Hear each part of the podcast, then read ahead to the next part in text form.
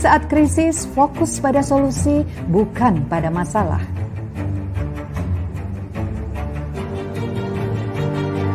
Kerjakan apa yang kamu cintai, hal ini akan membuatmu tangguh karena kamu menciptakan kebahagiaanmu.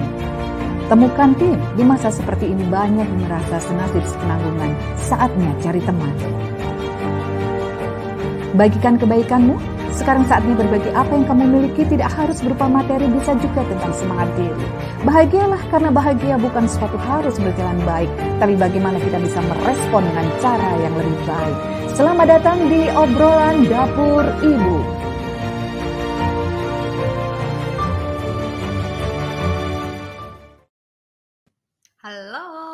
Kabar Ibu Indonesia? Selamat berjumpa kembali di obrolan dapur Ibu.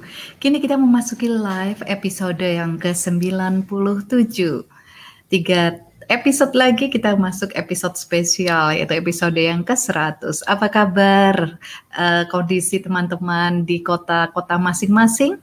Sehat ya gitu ya. Semoga selalu sehat, kemudian bahagia, selalu aktif me mengisi kebahagiaan Anda, tangki kebahagiaan Anda dengan mengisi segala macam aktivitas-aktivitas yang membuat Anda bahagia. Obrolan dapur Ibu akan selalu menemani Anda setiap Rabu dan Sabtu. Kalau Rabu di jam setengah empat sore seperti ini menemani ngeteh Anda dan kalau Sabtu di jam 10 sampai dengan jam 11 untuk menemani uh, ngeteh pagi ya, ngeteh pagi Anda, ngopi pagi Anda, minum air putih pagi dan minum air putih sore. Iya, terima kasih untuk teman-teman yang sudah hadir ya. Di sini ada Mbak Nurul Khairiyah. Apa kabar Mbak Nurul Khairiyah? Hadir, alhamdulillah. Kemudian ada Mbak Melja Gustina Memel. Apa kabar dari Bandung? Teh, apa kabar Teh Bandung? Uh, Mbak Susi Firdausa, asik. Odi hadir lagi, kangen dengan Bapak Ibu, kangen juga dengan Mbak Susi yang di Malang. Oke Mbak ya kondisinya ya, kemarin dengar Malang uh, ada banjir. Semoga hari ini sudah mulai membaik lagi dan teman-teman kita yang ada di Kalimantan Selatan, di Sulawesi Barat, itu ya Manado yang terkena musibah pada kali ini di Sumedang, kami turut berduka cita dan semoga kita bisa saling membantu satu sama lain dan semua kondisinya akan kembali seperti lebih baik lagi dari awal yang kita miliki lagi. Ya, ada Mbak Rusfi Hafiani siap menyimak, senang banget. Terima kasih Mbak Rusfi. Kemudian ada Mbak Widya Nuwasarjana Tangsel, apa kabar? Malaysia, Mbak Ira ternyata hadir. Terima kasih sudah hadir ya Mbak ya. Kemudian ada Mbak Fitriani Kusuma Wardani menyimak. Aduh, terima kasih banget. Ya, terima kasih teman-teman yang sudah hadir. Kita saya tidak bisa menyebutkan satu persatu. Nanti kita akan ngobrol lagi ya, untuk ngobrol lagi di sesi diskusi karena tema kali ini agak-agak sensitif gitu ya. Ini adalah hasil obrolan kami ketika kemarin ngobrol bersama dengan teman-teman yang sudah uh, usianya hampir sama gitu ya dengan dengan kami berdua akhirnya kita ngobrol-ngobrol tentang warisan gitu tentang warisan. Wah ternyata ternyata oh ternyata kondisinya sama anak-anak sekarang ini. Mereka ini tidak happy kalau diberi warisan berupa rumah dan tanah seperti uh, keyakinan kita zaman dulu orang-orang tua kita ya bahwa kan nanti kalau kita sudah bisa menghadirkan rumah dan tanah untuk anak-anak kita, kita menabung dari mulai sekarang, pasti anak-anak nanti akan bahagia. Ternyata kondisinya sekarang sudah berubah. Nah, terus apa dong yang harus kita wariskan kepada anak-anak dan harus kita persiapkan mulai dari sekarang? Oke, kita lanjut saja panggil uh, teman ngobrol kita yang selalu ditunggu-tunggu oleh para ibu dan anak-anak dan anak-anak. Inilah dia Pak Dodi Marianto. Apa kabar Pak Dodi? Alhamdulillah baik. Rambutnya oh. kok bisa kayak gitu sih Pak Dodi? Ini bisa wow gitu nyeprek gitu apa? gitu semuanya. Berkebun. Uh -uh. Hujan. Oh, berkebun hujan jadi jadi kayak gitu ya iya, Pak Dodi ya. Karena kan namanya juga di dapur. Okay. Kalau dapur itu kalau sudah sudah apa uh, waktunya masuk, uh-huh. lari-lari dulu. Oh, kayak gitu. Demi mewariskan hal-hal baik kepada anak-anak. Oh, uh, jadi salah satunya bekerja adalah keras di bekerja keras kebun. gitu ya. ya. Nanti kan kalau pohon mangga itu uh-huh. uh, makin tua kan buahnya makin masak. Iya. Yeah. Kalau saya sudah tidak ada, anak-anak akan mengingat, oh bapak jadi pohon mangga ini gitu. Oh begitu ya Pak Dodi ya. Uh, Pak Dodi itu pengen mewariskan pohon mangga gitu ya oh, iya. ke anak-anak. Oh sebenarnya bukan pohon mangga. Uh, apa? Kelapa. Uh. Oh pohon. Buahnya baru ada satu. Buahnya baru ada satu soalnya. Iya nih ngomong-ngomong warisan nih Pak Dodi ya, ngomong-ngomong warisan ternyata kita sempat terhanya-hanya gitu ya. Wah iya itu. itu. Iya. Jadi nggak iseng sih sebenarnya iya. uh, sesama uh, orang-orang yang sudah mulai senior begini ini. jalan pagi itu kan menjadi sebuah kebutuhan. Satu kegiatan yang menyenangkan ya. ya sangat sangat menyenangkan. Karena bisa ngobrol santai. Nah ya. itu. Iya. Jadi persoalan itu bukan sekedar jalannya. Uh -uh, ngobrolnya itu. Ngobrol ya enggak uh -uh. juga. Yang penting itu ejek-ejekannya itu. Iya. bisa saling mengejek itu. Saling mengejek bahagia, bahagia sekali. Ya, melihat teman sepermainan menderita itu rasanya gembira. Karena kami yeah. tahu uh, kehidupan kami di masa kecil, kecil ya, ya. dulu sama-sama mancing mulut di belakang rumah itu benar kan. benar benar. kira seneng banget. Nah iseng-iseng tuh lalu ngobrol. Terus uh, kami ini sudah di rumah tinggal berdua memang. Mm -hmm. jadi lalu mulai gini. Dan banyak teman-teman yang kondisinya juga seperti itu. Uh, uh, uh, terus gini. Uh, dimulai itu gini ah, anakku udah ada yang mau ya? Aku suruh tinggal di rumahku nanti. Nah mm -hmm. terus kita mulai bilang podo. Sama. sama uh, gitu kan. Sama. Oh Nah, mulai obrolan itu berjalan itu. Mm -hmm. Jadi ternyata sama saja tuh anak-anak di zaman sekarang. Mm -hmm. Di zaman sekarang itu anak-anak tuh pengen uh, hidup dari apa yang mereka usahakan. Mm -hmm. Mereka lebih bangga kalau uh, nanti itu hidup di rumah yang mereka uh, upayakan mm -hmm. dari bekerja, mm -hmm. pakai mobil juga mobil mereka, mm -hmm. seandainya pakai mobil, mm -hmm. kemudian lain-lain uh, lah Ya, itu ya, ya, ya. yang hmm. inginnya adalah hasil dari jeripayah, jeripayah mereka, mereka sendiri ya. itu lebih membanggakan dan membahagiakan hmm.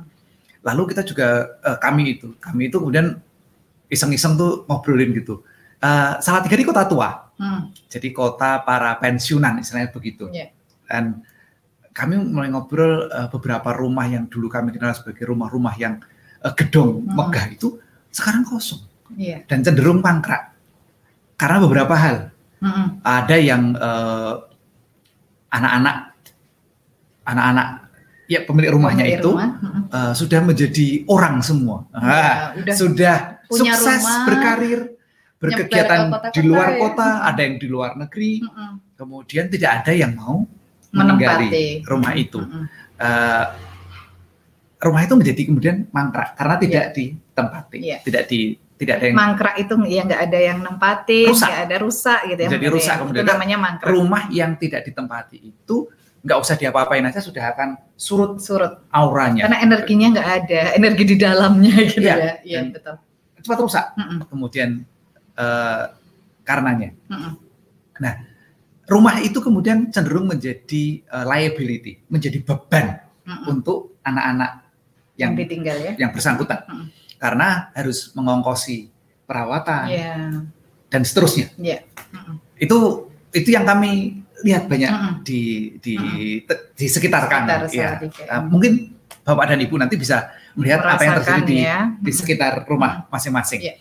Kemudian uh, paling sulit itu menurut kawan saya ini kawan saya ini seorang mm -hmm. developer begitu. Paling sulit adalah membagi warisan ketika berwujud tanah. Mm -hmm. Karena mau di gimanain aja efeknya itu ada perasaan pas, tidak adil. Gitu, iya. Selalu nggak pas ada selisih itu. Iya. Begitu itu.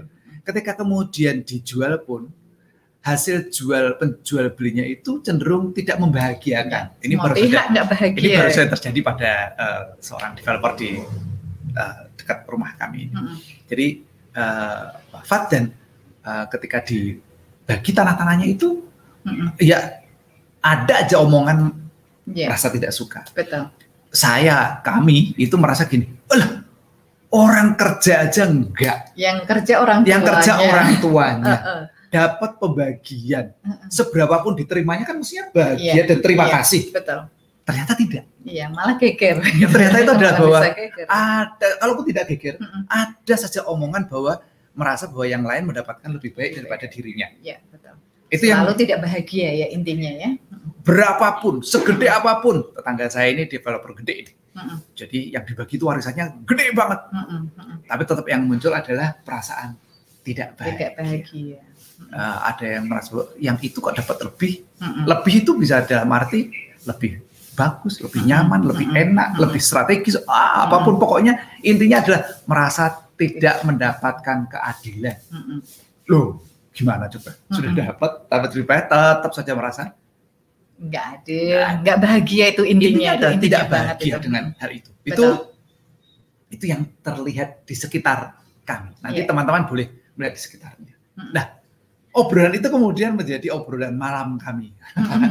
Capek tuh habis kemarin jalan kakinya tuh majatnya ya Allah. Majat tinggi. Tajakannya itu tajakannya. 203 anak tangga. Aduh. Pegel ya? Hah? Ngetong ya? ya? sampai di tengah baru saya hitung gitu. Yang di belakang saya kira-kira gitu. Benar-benar itu ya. Eh, pegel sekali itu. Saya cerita kami tuh melihat begini nih. Uh, perjalanan kami. Jadi ketika uh, mengantarkan anak-anak berkuda, komunitas hmm. berkuda ini ceritanya komunitas yang ya boleh dibilang kecil, ya? kelompok kecil yang uh, memiliki apa, uh, harta cukup banyak untuk untuk untuk diobrolkan. Hmm. Beberapa kemudian cerita cerita cerita itu, Mas, aku sekarang sudah tidak punya apa-apa lagi. Loh, gimana Pak? Gitu. Iya, semua hartaku tuh sudah tak serahkan ke yayasan. Hotelku hmm. masukkan di yayasan, uh, perusahaan ini masukkan ke yayasan, artinya semua perusahaan dia sudah masuk ke yayasan. Aku hmm. sudah tidak punya apa-apa. Hmm. Aku hanya minta pada yayasan dua hal. Hmm. Satu untukku, yeah. yaitu yayasan berkewajiban merawatku uh, sampai aku meninggal.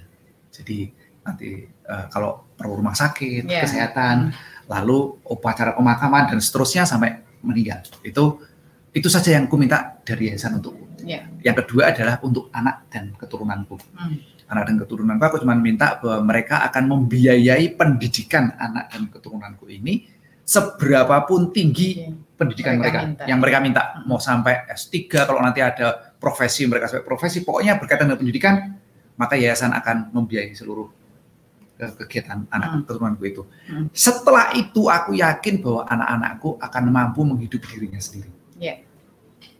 Yeah itu itu itu satu alternatif itu ya. Dia bilang begini, ya.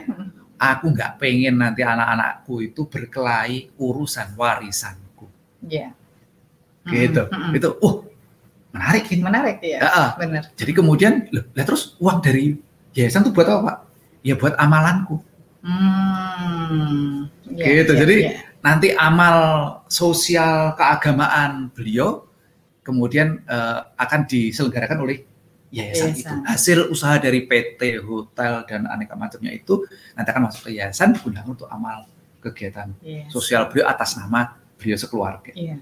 Hmm. Anak-anaknya, anak-anak aku itu mesti bisa lah kalau mereka sudah dapat pendidikan yang bagus. Yeah, mereka akan yeah. bisa menghidupi dirinya betul, sendiri. Betul, betul. Berani pak, ah, aku dulu juga kere, ah, gitu. Jadi beliau dulu juga nggak punya, ya, uh, nggak punya, ya. dan Ternyata bisa. Mm-hmm. Yang penting apa buatku adalah pendidikannya harus bagus, yeah. lalu network.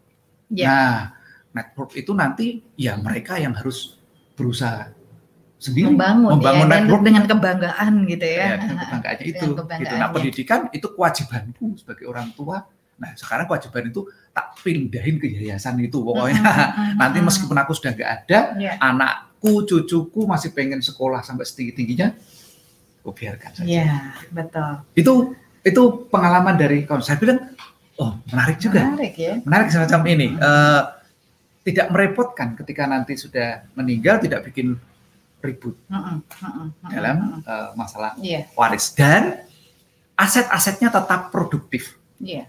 Bandingkan dengan yang terjadi sekarang ini dengan pola misalnya tanah.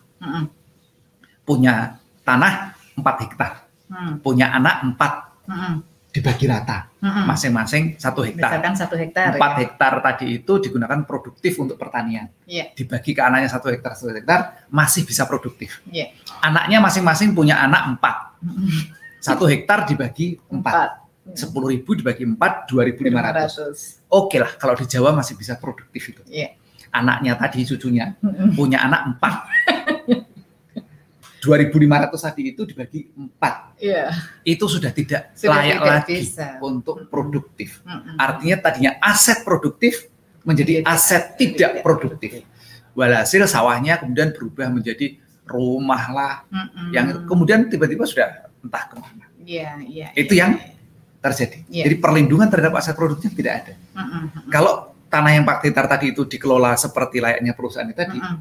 Tetap masuk menjadi dikelola oleh salah satu dari anak yang berempat ini yang Mm-mm. tetap me- menekuni bidang pertanian. Nanti yang lainnya akan mendapatkan bagi keuntungan Iya. dari apa yang eh, diupayakan oleh Mm-mm. satu orang. Jadi Mm-mm. empat masih tetap menjadi aset produktif, Produktif. bersama. Iya. Masuk ke cucu tetap tetap dikelola, Dikelola. tidak ya. boleh dibagi-bagi, tetap menjadi aset produktif bersama. Iya. Siapa yang mengelolanya? Manajemen istilahnya manajemen profesional. Iya. Salah satu dari keturunan yang masih eh, menekuni bidang pertanian. Maka aset yang ini akan tetap. ini tetap tetap Tetap bisa produktif. mengalir dengan produktivitasnya ya. Iya. Iya, iya. Nah iya. itu itu perlu menjadi eh, pertimbangan kita untuk untuk eh, ke- maksud saya menjadi pertimbangan saya Mm-mm, untuk ke depan. Jadi saya mulai melihat bahwa oh begitu ya. mm-mm, Ini mengenai eh, bahwa harta, mm-mm. tanah, rumah, mobil, emas, Iya. bahkan uang sekalipun Iya. itu ketika dibagi-bagi itu cenderung menjadi tidak produktif. Anda ingat sesuatu itu menjadi produktif ketika tidak dibagi. Iya. Sesuatu itu menjadi produktif ketika dikumpulkan. Iya. Itu sebabnya yang produktif adalah apa? Bank. Mm-mm. Bank itu mengumpulkan. Iya. Ketika dikumpulkan, maka sesuatu yang kecil-kecil itu menjadi Bisa. bernilai ekonomi Mm-mm, besar bisa menjadi produktif. mm-mm. Kalau dibagi-bagi itu Nggak sudah bisa. tidak produktif. Oh, Iya. bukankah bank kemudian juga membagi-bagi kemudian pada perusahaannya Mm-mm. pada nilai tertentu? Iya. Seperti tadi 4 hektar kalau dibagi berempat masih mungkin. Tahu mungkin. Mm-mm. Tapi begitu sudah dibagi lagi empat lagi Mm-mm. sudah menjadi semakin Mm-mm. sulit Mm-mm. untuk Mm-mm. produktif skala ekonominya. Iya, iya. Nah, itu itu eh, contoh-contoh yang yang yang mungkin bisa eh, kita pertimbangkan. Iya. Dan saya saya itu melihatnya di sekitar saya itu eh, sesuatu yang berwujud eh, tanah rumah itu Mm-mm. ketika eh, diwariskan itu cenderung malah tidak yang Mm-mm, Nah, mm-mm.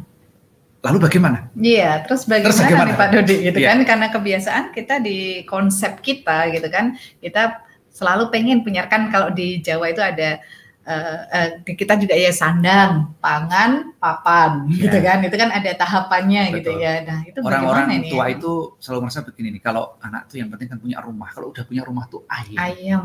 Mm-mm. Nanti kemudian dia bisa bekerja dengan baik. Betul. Dulu. Mm-mm. Saya cerita tentang teman saya itu lagi itu. Mm. Kemudian mulai berpikir demikian ini. Aku punya rumah segitu besar, terus anak-anakku nggak ada yang menempati. Iya. Rumah itu menjadi beban pemikirannya. Iya. Lalu apa yang salah satu yang dipikirkannya? Mending ku jual aja ya rumah itu ya. Mm. Nanti ku hadiahkan beberapa hasil penjualan itu untuk anakku. Mm-mm. Aku sewa rumah kecil saja, Mm-mm. lalu hasil penjualannya itu bisa kugunakan untuk memutar nilai ekonomi produktif. Mm-mm. Oh, kok gitu? Nggak repot nanti. Ah, ih, coba bayangkan sekarang itu kalau di Salatiga ini saja, aku sudah bisa dapat ya rumah 20 apa 50 juta eh, 10 tahun. 50 juta 10 tahun cukup lah buat aku berdua sama istriku. Mm-mm. Sementara ini ku jual, ah bisa memutar Mm-mm. ekonomi, aku masih bisa hidup dengan Iya, iya. nyaman. Mm. Nanti kalau meninggal sudah nggak ada beban yang harus dibagi-bagi lagi. Pengalaman eh, saya dengan Bunda Septi, ibu dari ibu Septi, Iya. Itu salah satu yang menurut kami merupakan contoh yang sangat menarik. Mm-mm. Ketika beliau eh, masih sugeng, masih hidup, Masih hidup. masih hidup itu sudah tidak berbeban lagi karena apa? Sudah boleh dibilang tidak punya apa-apa lagi. Gitu. Iya, betul. Jadi putra putrinya sudah mendapatkan eh, haknya yaitu pendidikan sehingga bisa meng- menghidupi dirinya Mm-mm. sendiri. Lalu beberapa lahan tanah sudah Ada yang diserahkan diwakafkan, ada Sebagian, yang diserahkan, ya, diserahkan gitu putra putrinya. macam-macam. Nih, nih, nih. Kemudian ada yang diwakafkan untuk lebah putih Iya. itu untuk Mm. eh, memutar amalan jariahnya, Iya, amal jariah jariahnya. beliau. Sudah diletakkan. Mm-mm. Beliau sendiri kemudian apa? Cukup menempati pavilion dari eh, rumah adik bungsu. Iya. Jadi emang udah di udah udah merasa bahwa sudah kayaknya sudah persiapan gitu ya, sudah Iya. persiapannya enak banget gitu. Sehingga ketika beliau wafat itu Iya. Nggak ribut lagi. nggak ribet lagi. Tinggal apa kemudian? Tabungan. Iya. Nah, tabungan uang itu mungkin lebih mudah dalam di pembagiannya ya. tabungan yang ya secukupnya untuk hmm. kehidupan sehari-hari hmm. dibagi kalau perlu dibagi tapi ternyata putra putri menginginkan kalau usah dibagilah itu buat amal ibu aja ibu gitu kan nah, ya. itu lebih enak lagi karena apa karena para putra putrinya sudah bisa menghidupi dirinya sendiri yeah. nggak perlu lagi itu tadi apa uh, warisan Minta, dari ya, ibu mengharapkan itu. warisan gitu nggak yeah. ada ya jadinya itu itu contoh yang hmm. yang sederhana hmm. dalam uh, uh, melihat hal ini. Yeah. Jadi anak anak-anak sekarang barangkali juga tidak lagi merasa bahwa punya rumah itu perlu, perlu. Yeah. penting. Benar ini. Itu kan, ya benar. Mindsetnya sudah tidak demikian. Yeah. Mereka sudah mulai melihat bahwa sewa itu lebih lebih memudahkan. Uh, saya ini kalau mau pergi itu mikir rumah saya. Aduh. Rumah itu ini nanti gimana ya? Gimana? Yang harus merawat, yang ini. Sampai di sana masih harus nelponin lagi yang ini sudah belum ikannya udah kasih makan belum dan lain sebagainya. Itu repot banget itu. Begitu sewa kita mau pergi katakanlah pindah ke pulau lain ke negara lain mungkin bisa lebih ah sudah. Sana sewa lagi. Ya. Terus itu, seperti itu. Uh, lebih lebih mudah uh, urusan administrasi dan lain sebagainya. Administrasi dan lain sebagainya mindset bisa demikian yeah. sehingga kemudian saya berbicara kepada anak-anak yeah jadi saya ngomong juga dengan anak-anak ini, apa sih yang kalian perlukan gitu. Hmm. Nah, kemudian kami teringat suatu masa hmm. ketika di Depok, hmm. saya ini sakit. Kemudian uh, salah satu fasilitator jarimatika di Depok itu ahli dalam pijit yeah. Wah, saya kemudian dipijit dan saya merasa cocok. Yeah. Iya. Uh, pro apa kesehatan saya meningkat. Hmm. Terus diterusin. Nah sambil sambil ngobrol, suatu saat dia nggak bisa. Hmm. Terus dia bilang nanti paman saya yang datang ya pak ya. Yeah. Loh pamanmu juga bisa? Bisa. Ini warisan pak. Yeah. Warisan dari siapa? Dari bapak saya. Yeah. Jadi bapaknya itu yang ahli, kemudian itu dia wariskan kepada anaknya dan kepada adik-adiknya. Yeah. Nah dia kemudian bilang begini, ini salah satu ini warisan yang kalau diperebutkan bapak saya malah bahagia iya, pak. Ini gitu. menyenangkan sekali ya, iya. gitu ya. Jadi kalau ada yang pengen merebut ilmu memijitnya itu tadi bapaknya malah bahagia. Ayo hmm. sana siapa lagi yang mau ayo. Beliau bagi-bagi. Gak pernah habis itu. Gak pernah habis ya, malah. Pernah habis. Dan setiap orang boleh saja kalau mau ambil ilmu peran, ambil peran untuk mengambil warisan gitu ya. Dan anak-anaknya dari warisan itu kalau ditanyain lagi dimintain tanya tolong untuk mm-hmm. di apa ilmunya dipelajari, mm-hmm. mereka juga jangan senang hati yeah. membagikannya. membagikannya. Wong saya aja mau diajari, mm-hmm. nggak mau, aku nggak mau. Ini gitu. warisan nenek moyang, warisan leluhur, nah, gitu ya. Ini adalah salah satu bentuk yeah, warisan yang menyenangkan, yeah. yang kalaupun diperebutkan mm-hmm. itu yang bersangkutan bahagia. Iya betul. Yaitu betul, berwujud ilmu, ilmu, keterampilan yang semacam itu. Nah, saya cerita pada anak-anak dan anak-anak juga merasa bahwa iya buat kami, buat anak-anak hmm. itu yang penting adalah pokoknya kalau sudah uh, mereka malah menetapkan tuh. Hmm. Pokoknya nanti umur 20 sudah nggak mau di dibiayai Bapak Ibu. Hmm. Bapak Ibu sudah cukup mendidik kami. Hmm. Nanti dari pendidikan itu insya Allah kami sudah akan bisa uh, menghidupi diri kami sendiri, sendiri dan hmm. insya Allah keluarga hmm. nanti. Oh gitu. Iya, saya ukur-ukur gini nih. Baik, tidak ada yang mau tinggal di rumah ini. Ya, gitu. Iya. Wah, dong, dong, iya. gitu. Sampai dibujuk-bujuk kayak apa pun gitu ya. Kan teman-teman masih ingat ya bahwa kami ini mau pindah ke Bau-Bau. Uh, pengen menggeser ke Indonesia Timur. Timur yeah. Saya bujuk tuh anak-anak, ayo dong. Siapa yeah. nih yang mau menempati rumah yang ini? Yang penting ada yang menempati dulu uh, gitu kan ya. Eh, sampai sekarang tak gue dapatkan gitu. Nah, yeah. Itu kami masih hidup tuh. Yeah. Jadi uh, mereka merasa lebih bangga kalau nanti mendapatkan, menikmati, melakukan sesuatu, ya. me, men, me, menggunakan sesuatu dari ya, ya. apa yang mereka usahakan. Iya.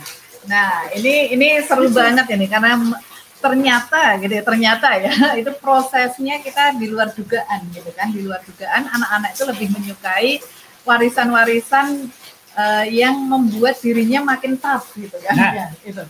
Dengan demikian lalu ya. apa tuh yang harus diwariskan? Apa aja, nah, iya. Kami ini kemudian kami ya, kami itu kemudian me mencoba mencermati. Kira-kira hmm. begini. Kalau kita mewariskan harta, tanah, rumah, mobil dan sebagainya hmm. tanpa ilmu dan akhlak, iya. maka warisan itu akan habis, hilang, bahkan cenderung bisa menjadi uh, sumber permusuhan. Itu yang kami amati. Iya. Nah, ketika kita mewariskan kepada anak-anak itu ilmu dan akhlak, maka harta uh, dan segala kebutuhan mereka itu akan datang kepada mereka yeah. karena mereka bisa mengupayakannya sendiri. Yeah. Maka menurut kami yang penting itu apa? Ilmu dan akhlak yeah. yang mulia. Nanti mereka akan uh, hal itu, dengan itu ya. Hal itu akan menjadikan diri mereka itu mandiri dan merdeka. Hmm. Nah, kemandirian dan kemerdekaan itu ternyata lebih membanggakan dan membahagiakan daripada harta benda gitu. Pada itu ya, tadi, itu tadi macam-macam gitu ya ada ya. Tanah, ya, ya. apa uh, Betul. rumah, ya. mobil, uang kayak gitu. Ya, ya, ya, ya. Jadi menurut kami uh, harta hmm. dengan segala macam bentuknya tidak disertai dengan ilmu dan akhlak hmm. itu hanya akan akan habis di tangan anak-anak dan hanya akan membawa mudarat yeah. dan sumber perpecahan yeah. di antara mereka. Bahkan itu sumber musik yeah. untuk yeah. mereka. Yeah. Siapkan pada mereka ilmu dan akhlaknya untuk itu. Yeah. Kita bisa lihat bahwa eh, teman-teman uh, yang sekitar kita saja. Coba kita lihat bahwa dulu mungkin dulu ya. Hmm. hmm anak komandan karena saking dulu zaman dulu itu komandan tentara tuh wah kayak raja itu. Keren banget itu. Kemudian anaknya cenderung semaunya sendiri ugal-ugalan mengandalkan pada orang tuanya. Yeah. Yang satu adalah anak prajurit yang betul-betul disebut anak kolong karena tidurnya di kolong. karena saking kecilnya rumah prajurit itu, rumah prajurit Salatiga itu dulu adalah kandang kuda, kandang kuda. yang disulap menjadi barak-barak yeah. rumah untuk para prajurit itu sekarang bisa saja anak prajurit yang kemudian harus bekerja keras, sekolah yang bagus, sekarang sudah menjadi uh, orang berbintang. Yeah. Berbintang beneran yeah. Jadi jenderal, jadi uh, direktur, jadi eksekutif, jadi pemilik perusahaan.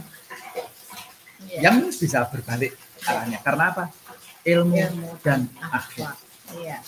Jadi yang terpenting itu ya teman-teman ya, ilmu dan akhlak yang mulia. Nah, tapi ini tidak jadi menjadi excuse untuk Anda yang kendor terusan gitu kan. Berarti kita nggak punya apa-apa, nggak apa-apa lah gitu kan. Memang nggak apa-apa. Ya, nggak apa-apa gitu ya. Memang nggak apa-apa. Nggak apa-apa ya. Betul. Ya. ya. Nah. Kalau kemudian kita nggak punya nggak punya apa-apa gitu. Nggak apa-apa. Okay. Karena kebahagiaan tidak bergantung kepada banyaknya harta. harta. Kalau kebahagiaan itu bergantung pada banyaknya harta. Nabi Adam sama Ibu Hawa itu dulu pasti sudah dibekali ya. Sama Gusti Allah itu dibiuri bawa emas yang banyak gitu. Untuk hidup gitu ya. Tidak.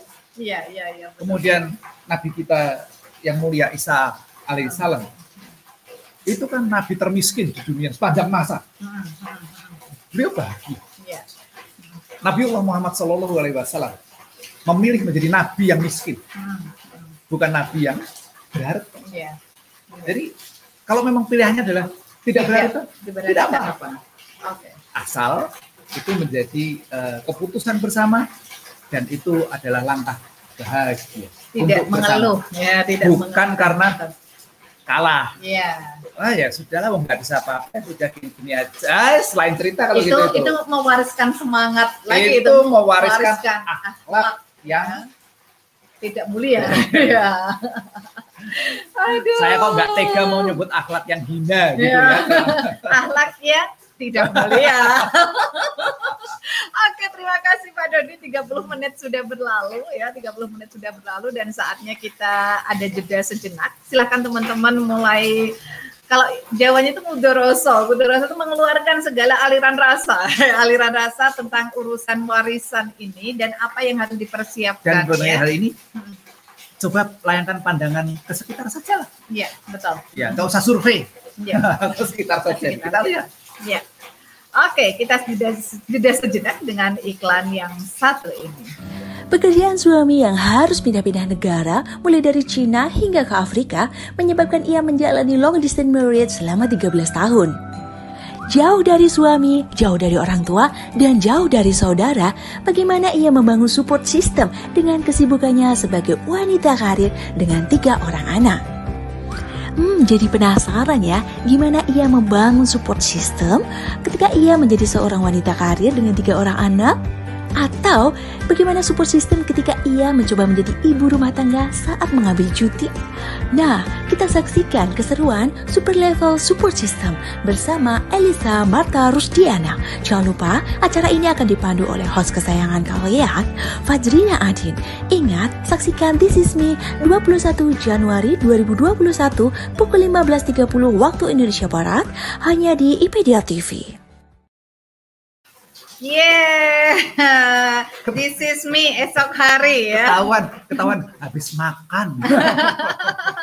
this is me esok hari. Ini bersama Fajrina Adin dan Mbak Alisa Marta. Bahwa ini bagaimana teman-teman yang mengalami long distance marriage? Ya sudah berapa tahun long distance marriage? Mbak Elisa Marta sudah 13 tahun long distance marriage. Dan bagaimana mengelolanya? Dan bagaimana tetap bisa produktif tanpa suami secara geografis tidak dekat gitu Nggak ya. kuku. Aduh, kuat apa enggak 13 tahun nih Pak Dodi ya. Eh, yang penasaran besok ya tonton This Is Me Yes, jam yes. 15.30 sampai dengan 16.30 waktu Indonesia bagian Barat bersama si Cinta Fajrina Adin. Ya. Oke, lanjut ini Pak Dodi dari Mbak Arifatul Wahyu. Ya. Harta warisan jadi harta panas ya Pak. Ya. Wah, nggak cuma panas, Nyantang. nyantang. nyantang itu Nyantang. Warisan tuh nyantang banget ya kalau kepegang jarak jauhnya udah panas gitu kan gitu, gitu. Maka emang hati-hati kita. Bagaimana membuat harta warisan tuh menjadi adem. Nah, itu ada di senior center nantinya. nggak ada. Lihat ya gabung kita dengan Anda yang sudah alita-alita atas 50 tahun ya. Nanti kita bareng-bareng ngobrolin bagaimana warisan itu yang tadinya panas nyantang menjadi adem. Adem. gitu ya. Menjadi adem enak banget gitu kan. Mbak De, mamanya Alicia apa kabar? Mengintip dari Balikpapan, Sugeng Sonten, Ibu Bapak, selamat Oh iya, sore. Kawan-kawan di. Kalimantan, Iya, Moga-moga Allah melindungi ya dari eh, mara bahaya. betul. Kuatkan yang sabar. Iya, Oh, betul. ah, tapi setelah sabar, sabarnya bener ya. Ya. Maksudnya sabar yang bener itu harus ada tindakan. Ada tindakan. Ya, waduh. Action. Kalau dia Wah, begini, tahun depan jangan begini lagi. jangan sampai lagi gitu Iya. kan. Kalau perlu paksa pemerintahnya untuk mengambil tindakan. Iya, iya, memang Ya, harus. Kita pembayar pajak. Ya, endingnya harus ada action Iya. memang ya, gitu. Mbak Pelangi Arsi apa kabar? Ini tamu di resmi kemarin Pak Dodi ya. Ilmu dan keahlian adalah warisan yang kekal. Yes. Iya, Ya. jadi sekarang perbanyak itu aja ya Pak. Ya, Dodi. jangan jangan, jangan lupa ya ilmu yang yang bermanfaat itu Manfaat. adalah Mm-mm. salah satu eh, amalan yang pahalanya tidak akan pernah habis. Habis, Iya. Jadi kalau kita mewariskan hal semacam itu, itu insya Allah akan barokah. Ya, insya Allah buat kita ya. itu. Kemudian ada pertanyaan ini pendidikan pola asuh jadi bagian dari warisan ya Ibu Bapak. Iya. Pendidikannya ya. Iya, ya. betul. Eh, Nah, pola asuh kita juga eh, mesti disiapkan. Iya. Untuk apa? Eh, anak-anaknya memiliki ilmu dan akhlak itu tadi termasuk eh, mereka bangga sebagai Iya. anak yang mandiri. Mandiri. Mm-mm. yang tidak mewariskan. Tuh, saya masih mau sampaikan lah ya. Hmm. Bahkan warisan yang berwujud kerajaan Hmm. itu saja kerap menjadikan celaka. Iya, Oh, kurang apa coba? betul, betul. Kerajaan itu wah, tanah segitu luasnya, harta segitu banyaknya, kawula segitu Mm-mm. banyak pula. Oh, kayaknya keren banget itu. Itu pun kerap sekali justru menjadikan sumber Sumber. malapetaka. Iya. Ya, kita Ya. lihatlah kerajaan-kerajaan tidak masih ada. akan pernah cukup kalau kita berbicara eh, warisan Hmm. sebagai eh, langkah untuk untuk apa membahagiakan Iya. anak. Nggak ada ceritanya. Betul, betul, betul. Mm-mm. Hmm, kita baca pernyataan nih ya. Dari Mbak Rica di Palopo apa kabar Mbak Rica? Yang penting itu ilmu dan akhlak yang harus diwariskan ke anak-anak. Catat ya teman-teman Ya, yang baru datang ya, yang Eh, baru datang itu ini. adalah sesuatu yang ditularkan. Betul. Mm-mm. Jadi starting dari kita. Ya, Kita yang mesti mesti me- me- mem- menumbuhkan. membangunnya dulu menumbuhkan akhlak. menumbuhkan ya. Terus untuk ditularkan gitu tadi. Ya, dengan sendirinya. Iya, Itu akan menular kepada anak-anak. Iya. Kemudian kebahagiaan tidak bergantung pada banyaknya harta. Ah, ini dia ya. Imtek dan imtak, wah banyak Ah. istilahnya banyak Cuman banget begini, ya. cuman Ya. begini. Saya mau Mm. kasih disclaimer ini. Ya, ya, ya. Eh, tidak tergantung pada banyaknya harta, bagi mereka yang menang. Nah, bukan ya. bagi para orang pecundang, yang kalah, ya, kalah bukan para pecundang. Ya, bagi orang yang menang tuh gimana? Oh, saya ini mau menghasilkan harta seberapa pun banyak itu bisa. Saya memilih untuk hidup sederhana. Ya. Hidup sederhana itu pilihan. Kalau terpaksa itu namanya kesengsaraan. Iya, betul. Gak bisa, saya memang nggak bisa. Mau mm punya harta berapapun harus raiso. Mm Mau usaha ini nggak bisa, ini mm bisa. Nah, itu bukan sederhana. Ya, ya sudahlah kita segini-gini saja. Oh, itu sengsara namanya. Nggak mau kan hidup ya. yang kayak gitu itu. Ya. Rasulullah Muhammad SAW itu saudagar besar. Dan beliau, memilih ya. Beliau sudah terbukti untuk me meminang Khadijah radhiyallahu anha itu aja berapa mahar beliau itu? Pakai onta sekian banyaknya. Tapi beliau memilih untuk menjadi nabi yang miskin. Pilihan Nah, ketika pilihan baru bisa bahagia. Yeah. Jadi ketika kita berpilihan itu namanya sederhana. Mm-mm. Kita bisa bahagia. Maka orang yang hidup sederhana itu mulia. Iya, betul. Karena sederhana itu pilihan. Beliau yeah. bisa, oh raja, oh, khalifah waktu itu. Mm-mm. Khalifah yang memerintah sebegitu banyaknya umat. Mm-mm. Pampasan perang segitu banyaknya tergeletak, terserah pada beliau, habis dibagikan. Iya, betul. Muncul lagi harta, habis, habis dibagikan. Lagi, iya. Begitu itu pilihan buat beliau.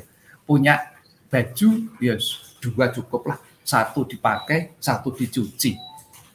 Itu pilihan. Apakah karena nggak bisa beli baju? Kan tidak. Mm -mm, mm Tapi kalau nggak bisa beli baju beneran itu kesengsaraan. Iya, itu. Jadi teman-teman harus bisa membedakan eh, ya. Bisa harus bisa membedakan hmm. karena Mbak Melja ini baru aja menuliskannya tidak memilih apa-apa itu lebih baik, tapi bukan karena tidak bisa atau menyerah, namun lebih baik untuk meraih benih-benih kebahagiaan ya. gitu. Iya. Ya, dan itu pilihan. Nah, yang penting itu ada pilihannya itu loh. Iya. Gitu kan. Berharta ya. juga bisa mulia loh ya. Iya. Nabiullah Sulaiman alaihissalam itu -hmm. makhluk paling kaya raya mm -hmm. dari pangkal masa sampai ujung mm -hmm. masa nabi dan beliau seorang nabi yang yeah. agung mm -hmm. bahagia Abdurrahman bin Auf pernah miskin pernah kaya yeah. karena ketika hijrah kan habis semua hartanya ditinggal tidak bawa apa-apa yang miskin loh ya kalau dihitungan harta gitu bulan depan sudah mulai tumbuh tahun depan sudah kaya yeah. tahun berikutnya sudah paling kaya yeah, betul. Dan beliau tetap menjadi insan yang mulia. Yeah. Insya Allah oleh Nabi disebut sebagai salah satu penghuni surga. Jadi menjadi hartawan juga tidak apa-apa. Mm-hmm. Salah satu uh, orang yang dirudukan surga itu kan seorang hartawan yang dermawan. Iya, betul. Jadi tidak apa-apa. Mm-hmm. Oh, oh, tidak ada kelirunya. Semua itu pilihan. Bisa. Ya. Pilihan. Buat bahagia. Dan hanya orang kaya yang berhak memilih. Wah, nah, itu itu. Iya. Gimana nih Pak Dodi?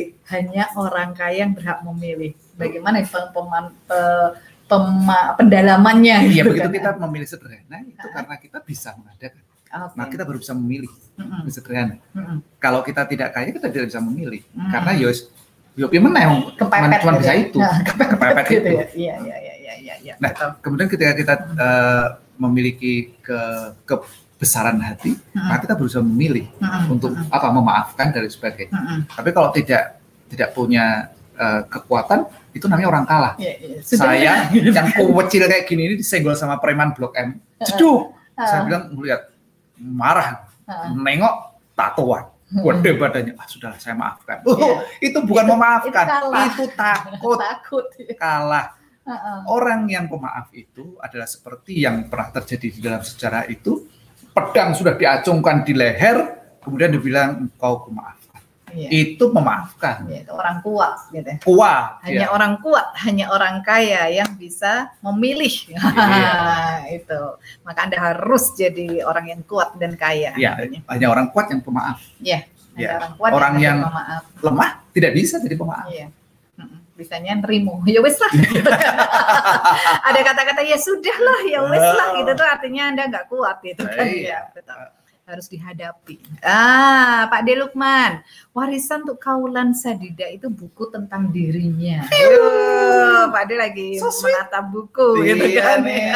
Mantap, ya, benar. Mantap. Jadi dulu tuh memang uh, saya pun juga merasa bahwa kalau saya mencatat dari apa NS dari bayi sampai dengan uh, perkembangannya itu nanti akan saya wariskan kalau dia akan menikah gitu kan itu itu kayaknya wah mau gebu-gebu banget gitu kan. Nah, perlu dikonfirmasi. Iya. yeah. Kepada Ananda nanti. Mm -hmm. Bahagia kah? Iya, bahagia nah, nggak terima ini ya, gitu kan. Sesuatu itu kalau uh, berasal dari sudut pandang kita belum mm -hmm. tentu baik semuanya. Jadi yeah. kalau nanti bapak ibu nggak mewariskan rumah, kalian bahagia nggak?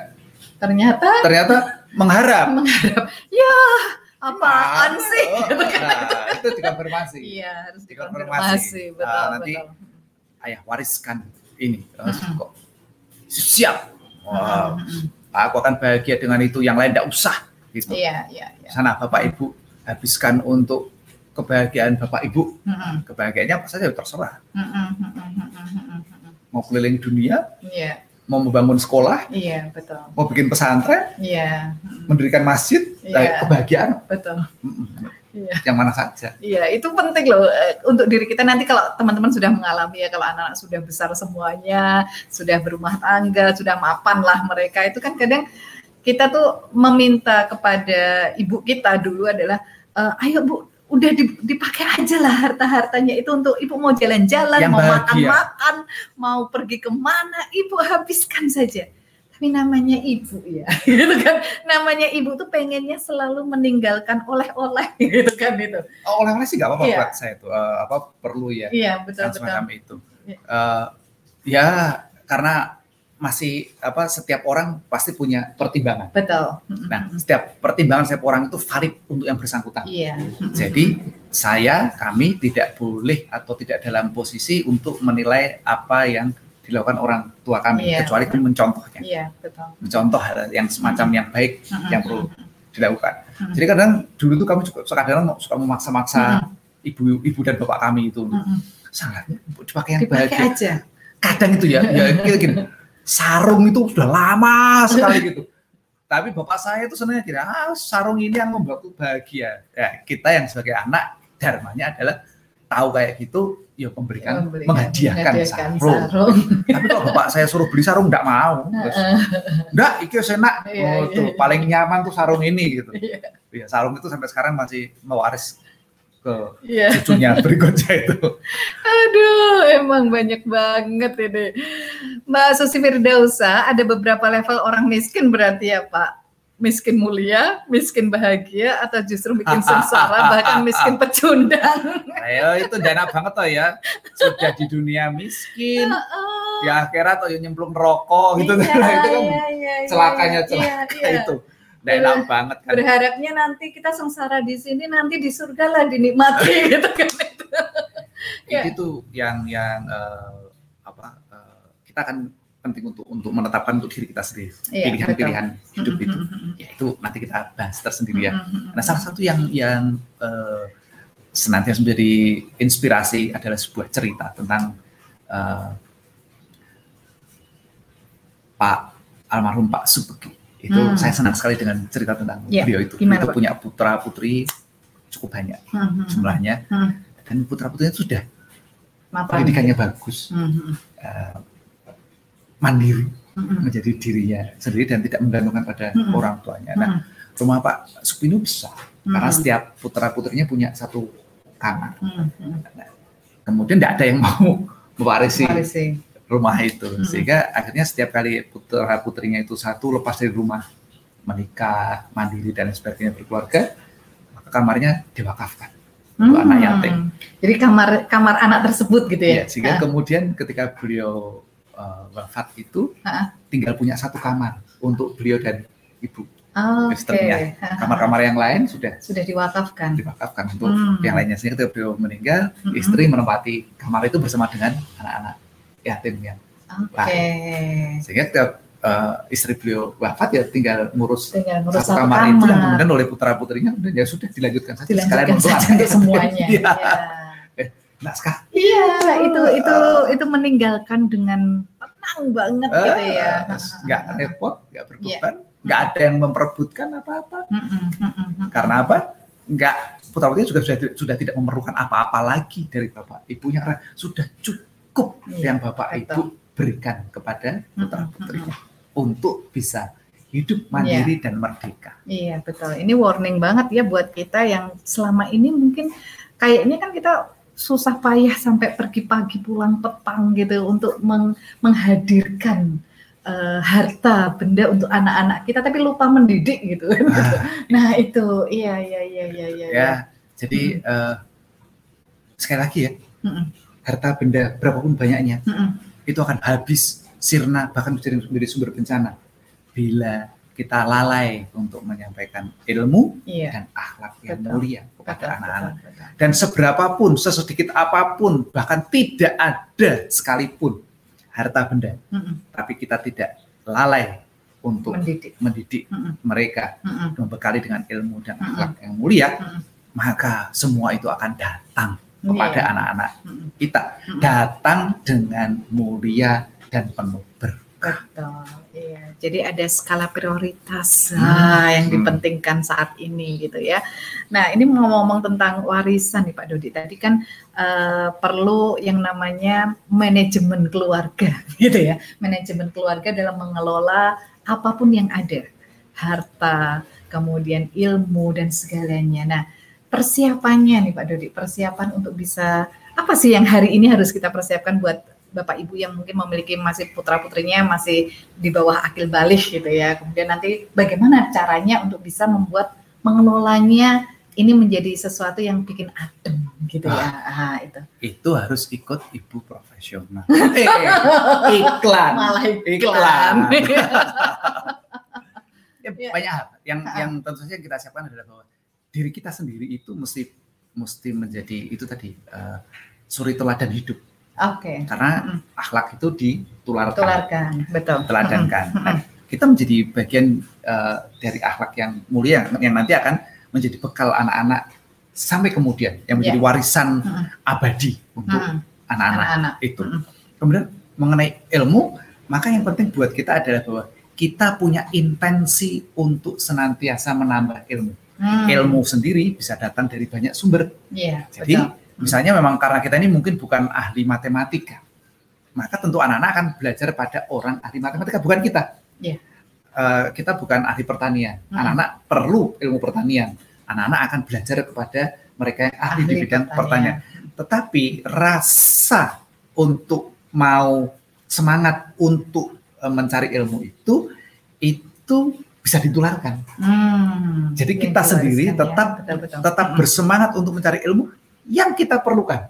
Yeah. Semangat itu nanti akan menular kepada anak-anak. Uh -huh. Cara kita mencari ilmu, uh, spirit kita mencari ilmu, tujuan uh -huh. kita mencari ilmu, itu akan menjadi contoh baik kepada anak-anak. -huh. Mereka akan mencontoh itu tadi semangat yeah. dan uh, cara-caranya itu tadi yang uh, di dalam mencari ilmu. ilmu.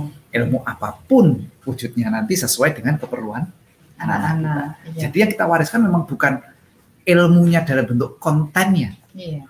Tetapi dalam bentuk ya. spirit dan metodenya. Metodenya. Ya, struktur berpikirnya, iya. uh, adabnya uh -huh. dan seterusnya itu. Iya, karena itu ilmunya yang, kan terus berkembang ya. Kalau konten, konten kontennya, kontennya itu akan berkembang, ya dan uh, sesuai dengan kebutuhan iya, anak-anak. Iya, iya. uh, konten itu antara yang keperluan kita dan keperluan anak-anak bisa bisa sangat berbeda. Iya.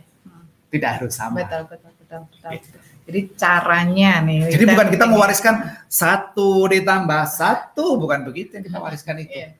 Bagaimana menemukan satu tambah satu bisa jadi dua? Semangatnya gitu ya. itu, semangatnya, semangatnya ya. bagaimana untuk bisa memahami satu ditambah hmm. satu, hmm. membuktikan bahwa satu ditambah satu sama dengan dua. Iya. Ayo, siapa yang bisa membuktikan bahwa satu ditambah satu sama dengan dua? Iya, tidak hanya cuma menghafal. Itu, gitu ya. itu pelajaran saya di di kelas apa matematika di perguruan di tinggi. perguruan tinggi ya, untuk iya. mencari itu satu ya. Satu ditambah nol sama dengan nol ditambah satu sama dengan satu, ayo buktikan. Gitu. Nah, Iya kalau semangat itu tidak ada. Ya, semangatnya. Aduh. Ya, yang penting semangatnya benar, itu. Benar. Kalau kalau kita ini petani gitu ya, kita hmm. bersemangat mencari ilmu tentang pertanian. Apakah hmm. kita akan menjadi petani kan belum tentu. Ya, Tapi benar. semangat kita bahwa kita senantiasa mengupgrade diri kita, ya. menambah ilmu, hmm. mengasah keterampilan, hmm. itu terpatri pada anak-anak. Sehingga ya. ketika mereka memilih jalur engineering, mereka akan uh, mengacu pada metode dan adab yang Bapak ibunya contohkan itu. Iya, iya, semangatnya betul, dan lain sebagainya. Semangatnya. Yes, mantap Ya. banget ya. Mbak Indah Laras, apa kabar Mbak Indah Laras? Betul Pak Bu, saya dan suami harus merelakan aset dari warisan orang tua karena kami berdua gak paham hal-hal yang berkaitan dengan warisan tersebut. Nah, Oh, kalau nggak paham sih nggak boleh. Oh nggak boleh Mbak Indah. Iya. Paham dong. Gitu. Kalau sudah Marahin paham, sama Pak Dodi ya. Kalau sudah paham, baru bisa merelakan. Oh. Nggak ada orang yang rela karena nggak paham. Oke, oke, iya. oke. Eh, saya paham mengenai hal itu, mm -hmm. saya relakan. Iya, yeah, iya. Yeah, kalau saya nggak paham, yuk bagaimana saya bisa merelakannya? Mm -hmm. It, itu, itu sudut pandang saya. Iya, iya, iya, iya, iya, iya, iya. Ya. Jadi kayak harus kuat dulu gitu ya. harus ya. Kuat baru harus bisa jadi pemaaf. Dulu baru bisa jadi pemaaf. Harus kaya, Kaya, dulu bisa untuk memilih. bisa memilih menjadi miskin yang mulia. Wah, itu kan banyak banget jadinya ya.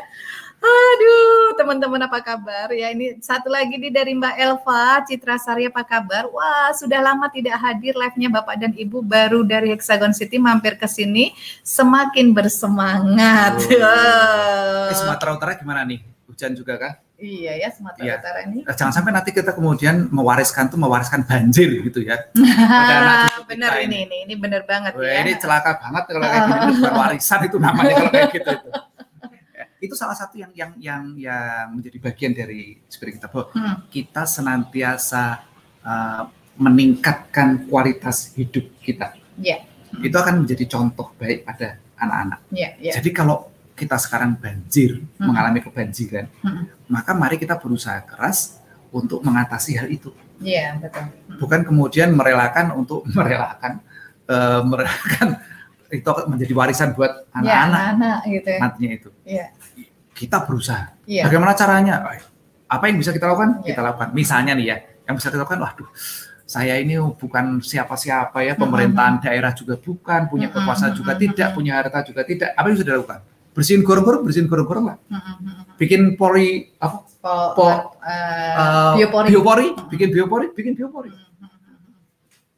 Setiap makan buah, tanam bijinya untuk kemudian jadi bibit, kemudian menanam area-area yang gersang, kosong, tandus, lakukan. Iya, iya, betul, betul. Kita melakukan untuk anak. Barangkali memang tidak setiap yang kita lakukan akan kita yang merasakan. Iya, Tidak setiap buah kelapa yang kita makan itu kita yang menanam. iya. Banyak sekali itu yang menanam adalah nenek kita. Iya, iya. Bukan hanya bapak ibu Iya, kita, itu betul. nenek kita. Iya, Dan kita sekarang yang merasakannya. merasakannya. Apakah nenek dan kakek kita merasa menderita karena tidak bisa merasakan dan baru cucunya menikmati? Iya, Saya yakin beliau itu bersyukur Iya. bisa melakukan hal itu. Kita lakukan semacam itu. betul. Ada lahan tandus, ayo tanam. Iya. Itu jadikan warisan yang luar Iya, biasa. betul. Dan saya suka dari setiap menanam adalah bahwa tiadalah satu butir buah Buah. pada tanaman itu yang bahkan dimakan atau dicuri sekalipun, Iya, melainkan menjadi sedekah. sedekah. Wih, keren banget. Jadi asik banget tuh kalau kita. Bisa. Ayo ya. tanam, tanam. Hmm, hmm. Maka eh, favorit saya adalah kampanyenya NS di masa kecil. Hmm. Makan buahnya, tanam bijinya. Iya, iya, iya, betul, betul. Kan ada juga yang kadang warisan warisannya itu kadang kita sudah di diomongin gitu ya bahwa bayi yang baru lahir di Indonesia itu sudah dapat warisan hutang gitu kan. Aduh, Iya. Iya. Tapi itu gak sepenuhnya benar. Iya, gitu kan. Nah, terus ini, ini yang ini yang perlu kita harus harus apa ya uh, bangun untuk diri kita sendiri sih. Jangan sampai kita juga dalam keluarga kecil kita, gitu kan, dalam keluarga kecil kita itu meninggalkan ternyata kita meninggalkan hutang yang banyak gitu loh. meninggalkan sesuatu Sesuatu yang berat, disesali Iya, oleh beban, ya. anak cucu kita. Mm-mm. Ya, menjadi beban. menjadi beban bagi Mm-mm. anak cucu kita. Ya, ini bahkan termasuk rumah Mm-mm. kita tinggalkan tapi jadi beban. Iya, Bahkan repot. betul, betul. Kita punya rumah Mm-mm. yang kita harapkan akan menjadi warisan buat anak-anak kita, Mm-mm. ternyata justru menjadi beban untuk mereka. Iya, betul. Mm-mm. Repot. Mm-mm. Anak-anak mau menjualnya sayang karena punya kenangan, Mm-mm. tidak dijual kok ya ongkos terus Iya. yang keluar. Betul. Ha-ha. Itu menjadi eh, beban. Iya, iya, iya, iya. Pak Dodi dulu pernah nggak merasakan bahwa ada yang pengen diwariskan ke anak-anak gitu sejak sejak sejak dulu gitu ya sejak dulu pengen banget mewariskan gitu ke anak-anak ada nggak itu Pak dulu? Ada nggak ya? iya. Entahlah. Entahlah ya, enggak enggak gitu ya Pak Dodi ya. Entah, entah. Iya. Tapi uh, sebelum saya sempat berpikir kali ya, itu anak-anak tuh sudah menyatakan diri tidak gitu. tidak terima warisan, tidak terima warisan gitu. Iya, sebelum iya, saya sempat iya. mikir. Iya. Kalau saya dulu pernah Pak Dodi, jadi uh, saya tuh seneng banget mainan itu adalah apa namanya payung gitu kan. Uh. Waktu kecil itu payung, kemudian payung itu dipakai untuk menarik. Itu seneng banget karena ini keren banget payung ini. Tiba-tiba tuh sejak kecil itu sudah terpikir loh Pak Dodi bahwa ini mau kurawat nanti mau kuwariskan untuk anakku kalau aku punya anak perempuan oh. akan kumainkan itu. Oh, kalau ada itu. Apa apa Pak Dandang sama panci itu. Ternyata ada ya, ada ya pikiran-pikiran kayak gitu itu. Iya, ya. for your information saya nggak punya dandang, nggak punya panci. iya, aduh ya Allah. Iya ini ini memang lucu. Dan ini terakhir nih pada dia untuk penutupan. Biasanya katanya orang kalau apa namanya uh, generasi pertama itu membangun gitu, membangun. Kemudian generasi kedua membesarkan, masih ada spirit untuk membesarkan. Generasi ketiga itu merusak, gitu kan menghancurkan. Nah, pada di sini bagaimana? Eh itu menjadi bahasan rame itu di ah. uh, apa korporasi uh, family corporation gitu. Oh, Jadi okay. di apa perusahaan yang berdasarkan uh, keluarga hmm, gitu, yang hmm, hmm, keluarga itu menjadi bahasan tersendiri.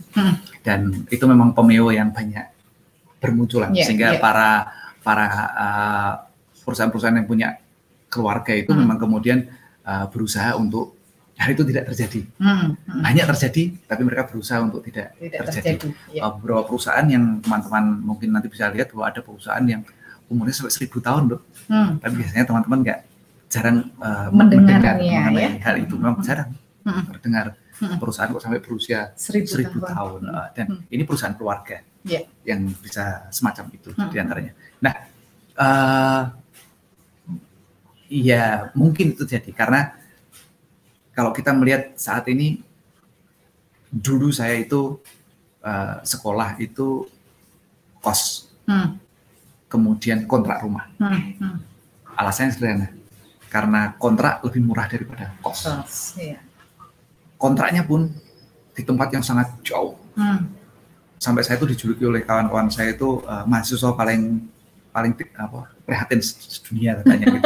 Karena, Karena saking jauhnya. Jauh. Dan Saking jauhnya jalan, jalan kaki. Jalan kaki yeah. melewati uh, hutan-hutan bambu, mm -hmm. kuburan gitu.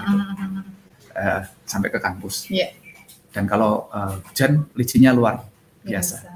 Nulis seperti itu. Kemudian hmm. makan itu kadang-kadang ya ada kalanya kalau makan itu masih inget uh, kok sukanya itu uh, sisir pisang gitu. Hmm, karena roti, roti, roti, roti, roti sisir, sisir ya. Roti sisir itu karena kalau makan itu satu saja uh, itu sudah kenyang. Kenyang. Tambah dengan air Tambah hangat, hangat, teh hangat, teh hangat pahit. Udah itu. Itu sudah cukup. Uh, satu sisir pisang eh, iya, satu betul. pack itu isinya empat, jadi bisa untuk empat hari. Iya. Dan saya sudah tidak mikir apakah hari keempat basi atau tidak. Pokoknya makan gitu makan aja. aja. kan nggak ada kulkas ya. Iya. Tapi kalau itu kemudian dilakukan oleh anak-anak saya, saya bisa muring-muring. Iya. Muring-muring. Ah, nanti kamu keracunan, nanti ini. Mm-hmm. Oh, oh, tiap kali terbaca sudah makan, mm-hmm. sudah sarapan. Kalau mereka mm-hmm. belum itu sudah bisa, bisa eh gimana nanti kalau kena bla bla bla bla gitu. Panjang banget. Ya.